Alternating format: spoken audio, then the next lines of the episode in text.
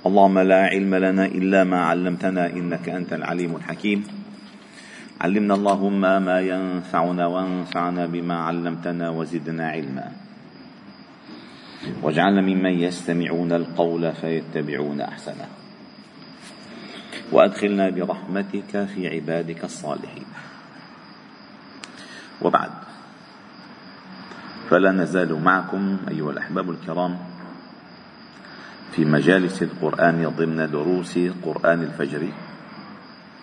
وقد وصلنا إلى قوله تعالى في سورة آل عمران فبما رحمة من الله لنت لهم. ولو كنت فظا غليظ القلب لانفضوا من حولك. فاعف عنهم واستغفر لهم وشاورهم في الأمر. فإذا عزمت فتوكل على الله. إن الله يحب المتوكلين. إن ينصركم الله فلا غالب لكم. وإن يخذلكم فمن ذا الذي ينصركم من بعده. وعلى الله فليتوكل المؤمنون. هاتان آيتان متلاصقتان بالمعنى والأهداف. فالله خاطب نبيه صلى الله عليه وسلم بعد جولة طويلة من مشاهد غزوة أحد فيما وقع به المؤمنون. ولم يتوجه الخطاب من قبل إلى النبي صلى الله عليه وسلم كما توجه هنا الخطاب إليه. وكانت الآيات من قبلها أو من قبل هذه الآيات إرشادات وتوجيهات وتنبيهات وتحذيرات للمؤمنين عما وقعوا فيه. ثم أتى الخطاب إلى المرشد الأعلى وإلى القائد الأعلى وإلى النبي القائد الأسمى محمد صلى الله عليه وسلم مخاطبا إياه ربه جل جلاله بالرحمة فهو صلى الله عليه وسلم رحمة مهداة. وما أرسلناك إلا رحمة للعالمين. ونعمة مسداة. فما أنعم الله تعالى به علينا به لا توازيها نعمة. لقد من الله على المؤمنين إذ بعث فيهم رسولا منهم. والمنة بالنعمة. فالخطاب توجه إليه بخطاب الرحمة. ولا يقال في القرآن أن هناك حروفا زائدة. فبما رحمة من الله. لأن هي المعنى فبرحمة من الله لنت لهم. ولكن هذه الماء التي أتت ليستشعر الإنسان مدى هذه الرحمة الكبيرة التي في قلب محمد صلى الله عليه وسلم على أمته. لقد جاءكم رسول من أنفسكم عزيز عليه ما عنتم حريص عليكم. بالمؤمنين رؤوف رحيم. والرأفة والرحمة هي من صفات الله تعالى. ولكن بما, بما أن الله أرسله بالرأفة والرحمة فصح, فصح أن يقال عنه رؤوف رحيم. فرحمته التي على المؤمنين من الله لأن الله هو الذي أرسله رحمة للعالمين. هو الذي رفعه هذه المنزلة الأسمى فقال فبما رحمة من الله لنت لهم. والرفق واللين ليس ضعفا وليس عجزا. إن صدر من قائد حازم عالم حاسم. أما إن كان اللين يا حاج طارق إن كان اللين وخرج من المملكة الكين فهذا جبن وعجز لا يليق بالمسلمين. لأن القوي القوي يستطيع أن يلين. أما اللين لا يستطيع أن يقوى. القوي ممكن يخفف بس المخفف ما ممكن يقوي.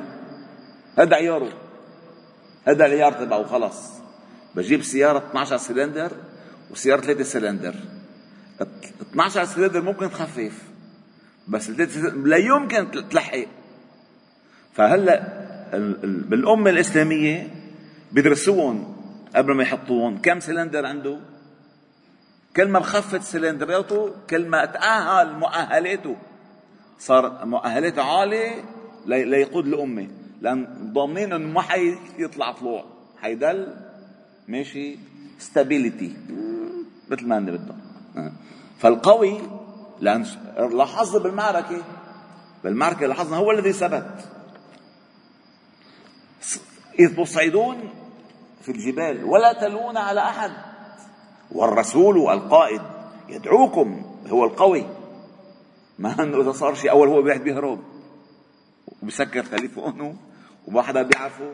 لا ابدا. هو الثابت ويقول إلي أنا رسول الله عباد الله إلي إلي. هذا القائد فمع هذه القوة وهذا الحزم وهذا الحسم وهذا الإقدام وهذه الشجاعة كانت هذه كلها ممتلئة بالرحمة. كلها ممتلئة بالرحمة. كما قيل عنه صلى الله عليه وسلم من رآه بداهة هابة ومن خالطه أحبه. بعيد مهاب. أما إذا فدت تراه كله محبة وشفقة ورحمة. كله. لذلك دخل عليه أحد الأعراب أو أحد الصحابة. فوجده يقبل الحسن والحسين. يقبل. ومرة رآه دمعت عينه عندما توفي ابن لابنته؟ فنظر إليه قال ما, ما نفعل ذلك بصبياننا. يعني صبياننا ما لا بوس ولا قال ما أفعل بك إن نزع الله الرحمة من قلبك. إذا ما في رحمة بقلبك شو بيعمل لك ما في رحمة. فهذه الرحمة هي التي تضمن تضمن نتائج القيادة. فبما رحمة من الله لنت له.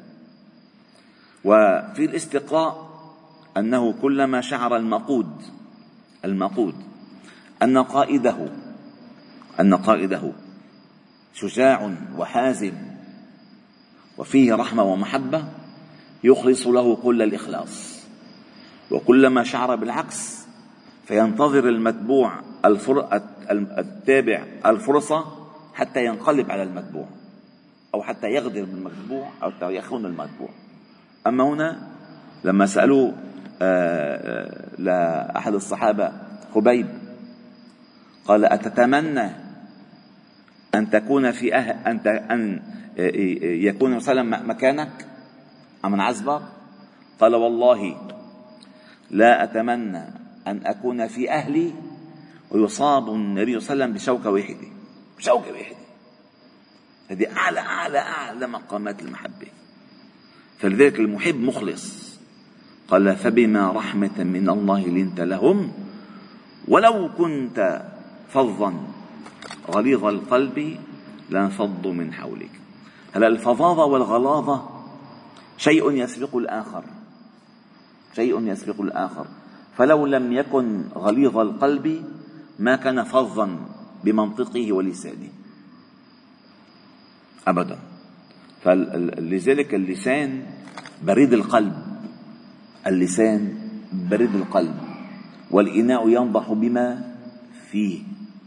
فما يخرج منك هو الذي هو فيك. ما يخرج منك هو الذي فيك. فقال ولو كنت فظا في تصرفاتك وأقوالك غليظ القلب لانفضوا من حولك.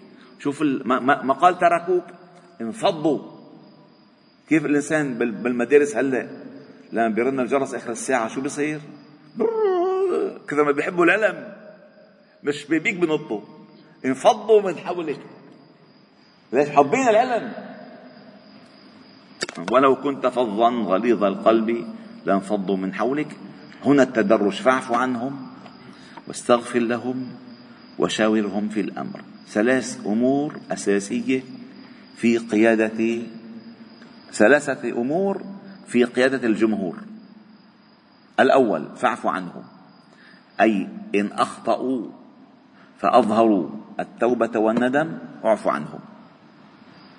ثم بعد ذلك لا تحريمهم دعاءك لهم. استغفر لهم. الاستغفار دعاء. ثالثة أرجعهم إلى مكانتهم وشاورهم في الأمر. ما ما أنت نسيت شو عملت؟ نسيت شو عملت؟ مثل هذا هذا الشيخ اللي ذكرنا القصة. واحد تاب. تاب وقال له أنا تبت. فكل درس قال لهم ليك هذا التائب عمل هيك هيك وتاب. قال له لك حسبت الله 30 سنة وما فضحني. تبت هالسنة فضحتني قدام كل القرية. فلا يضرب به المثل العصي لا يضرب به المثل إذا كان موجودا. ليك هذا هو. قوم إلا قصتك قوم. عيب. يعني استور وهذه قصة مشهورة. ذكر ابن رجب الحنبلي عندما استسقى موسى ربه المطر فلم يمطروا. فقال إن بينكم عاص. فقال موسى من كان منا عاص فليتب الآن. فتاب فنزل. فحب موسى يتعرف عليه. قال يا رب عرفني عليه. قال سترته وهو يعصيني. أكشفه وأفضحه وهو يطيعني؟ حاشا. قال وشاورهم في الأمر. ودائما الإنسان لما يشعر أنه يشرك في الأمر يقدر هذا المسألة. والمشاورة أصلا يسلم منه مطلوب شرعا أن يشاور لأنه يوحى إليه. ولكن حتى يعلم من بعده. فالعصمة لا تكون إلا للأنبياء. أما من بعده أو من بعده العصمة ليست للصالحين ولا للأولياء حتى ولا للصحابة ولا للصحابة لا لأبو بكر ولا لعمر ولا لعثمان ولا علي. ما عندهم عصمة. العصمة فقط للأنبياء فقط. فقال المشاورة وشاورهم في الأمر والمشورة أيها الأحباب الكرام هي استخراج أحسن ما في أفكار الناس. إن أن تشرك الجميع بما تريد حتى لا تكون التبعة عليك وحدك. والشورى مشتقة من العسل. معلومة جديدة هيدي الشورى مشتقة من العسل. تقول العرب شرت العسل أي إذا استخرجته شرت ليش؟ لأن النحلة ماذا تفعل؟ النحلة تذهب إلى البستان فتأخذ من الأزهار خلاصة كل شيء ثم تعطيك الشفاء من كل شيء. وأنت نفس الشيء قدامك عشرة بيفهموا. بيفهموا. إيه؟ عشرة ما بيفهموا. عشرة بيفهموا. فتطرح الأمر عليهم. فيعطيك هذا فكرة.